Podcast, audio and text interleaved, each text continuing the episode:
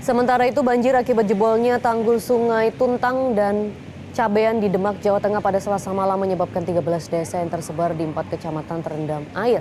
Kondisi banjir terparah terjadi di desa Ploso dengan kedalaman banjir mencapai satu setengah meter.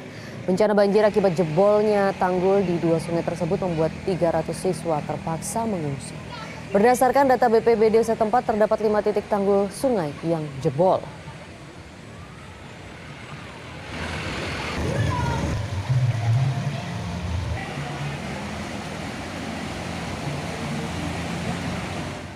Jelajahi cara baru mendapatkan informasi. Download Metro TV Extend sekarang.